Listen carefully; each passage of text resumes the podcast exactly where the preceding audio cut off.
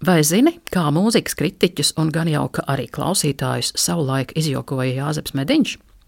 Tas notika 1929. gadā, kad visu Eiropu bija pārpludinājis modernisma megavilnis, protams, atbalsojoties arī Latvijā, jo īpaši jaunāka gadagājuma autoru prātos un mūzikā. Šoreiz laikmeta noskaņas uzburšanai citēšu Marģera Zariņa optimistiskās dzīves encyklopēdijas fragmentu. Zariņam tobrīd ir gadi 19, viņš nulle uzsācis mācības konservatorijā un atceroties to, cik daudz jaunu muzikālu iespēju tolaik bijis un cik radikāli dažabrīd mainījusies gaume, viņš raksta. Taisni smieklīgi atcerēties. Pēc iepazīšanās ar modernistu skaņdarbiem, Šeinberga, Mēnesis Piero, Rietī, mūziku koka pūšamiem, Kšeneka Džonijs uzspēlē, Onegera Pacifiku, sūtīju pie vēlna naivos klasiķus, sastāvējušos romantiķus, un sarunās centos izcelties ar akadēmisma nievāšanu.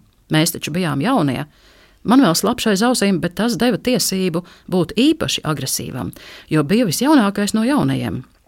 Nost, lai dzīvo, ir taču laikam pierādīts, ka jo cilvēks dumjāks un obskurantāks, jo pretenciozāks.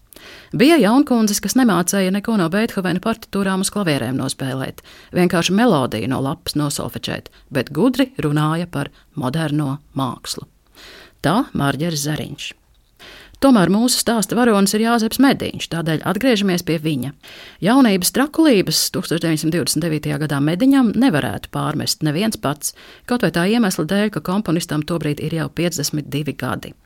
Vēl vairāk mūzikas kritiķi gan 20. gan 30. gados ir vienisprātis. Jāzepa Mediņa muzikālā estētika nepiederot gluži šodienai. Tomēr, kad 29. gada aprīļa pašās beigās notiek Jāzepa Mediņa skaņdarba koncerts, Jānis Zālītis jaunākajās ziņās raksta. Mediņa psihē ir norisinājies jauns augšanas un pārveidošanās process. Viņš kļuvis laikmetīgāks, piegājis tuvu, tuvu tagadnes mūzikas vadošām problēmām, sadraudzējies ar moderno tehniku, īpaši moderno harmoniju. Šai ziņā Mediņš spēris lielu soli uz priekšu. Žurnālā Domas zālītim piebalso Valdis Grēviņš par jaunajām mediņa dziesmām rakstot.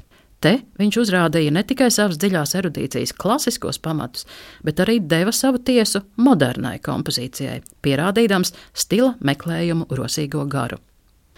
Arī Jānis Cīrulis avīzē Latvijas norāda, Jānis Mediņš dziļi jo dziļi pieskaras muzikālās domāšanas jaunākām atziņām. Cīrulis piemin to, ka tieši 26. gadā, kad tapušas koncertā pirmatskaņotās dziesmas, Jāzeps Mediņš saslims ar nervu kaiti, kas visus šos gadus nav ļāvusi viņam nodoties darbam, un izsaka cerību, ka valsts un sabiedrība komponistu šai grūtā brīdī neaizmirsīšot. Pāris gadus vēlāk seko visai zīmīgs pavērsiens, un par to ir gādājuši 30. gados izdotās mūzikas vēstures iespaidīgā folianta autori. Runājot par Jāzepu Mediņu, te melns uz balti rakstīts, kaut kraso modernistu mūziku Mediņš necienot, tomēr modernistu tehniskie paņēmieni viņam labi pazīstami, un tālāk citēju. Kad līdz komponista ausīm kādreiz nonāk kāds sabiedrībā izteikts spriedums par viņa mūzikas it kā vecmodīgumu, viņš bez pūlēm uzraksta virkni solo dziesmu modernā garā, un pēc to atskaņojuma kāds dziedātājs koncertā liek brīnīties kritikai par komponista pēkšņu pagriezienu uz modernisma pusi lai parādītu, ka nav nemaz grūti komponēt tā, kā komponē modernisti, saka smaidīdams autors.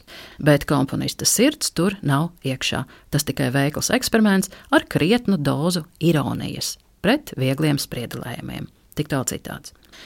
Diezgan zīmīgi, ka dziesmu pirmatskaņojuma reizē 1929. gadā par tam līdzīgiem tikai veikliem eksperimentiem kritiķi nebūtu nerunāja, bet mediņa meklējumus visā nopietnībā uztvēra kā jaunas, modernākas stilistikas meklējumus un atradumus. Kāda ir šī stāsta morāle? Jāzeps Mediņš kā vidējās vai pat vecākās paudzes pārstāvis pret modernistiskajiem meklējumiem izvēlas ironiski distancējošu pozīciju, un modernisma virzienā, kā izrādās, spēr tikai nevainīgu sāņu soli. Bet tas nebūtu neliedz jaunākās paudzes komponistiem iet citus ceļus, un jau 20. gadu vidū ļauties laikmetīgajām vēsmām dedzīgi un visā nopietnībā. Te jau ar manifestācijas spēku to apliecināja 26. gada 17. oktobrī Latvijas konservatorijas zālē notikušais Marisa Vētras Latviju modernistu vakars, kurā skanēja tik tikko vēl konservatorijā studējušo Lūcijas Garūtas, Jākaba Poruka un Jāņa Kalniņa mūzika, kā arī Jāņa Zālīša dziesmas. Par šo koncertu atbildot uz jautājumu, vai zini, jau esmu stāstījusi, un klasikas arhīvā šis stāsts joprojām atrodams. Bet šorīt pabūsim Jāzepa Mediņa mūzikā un 1929. gadā.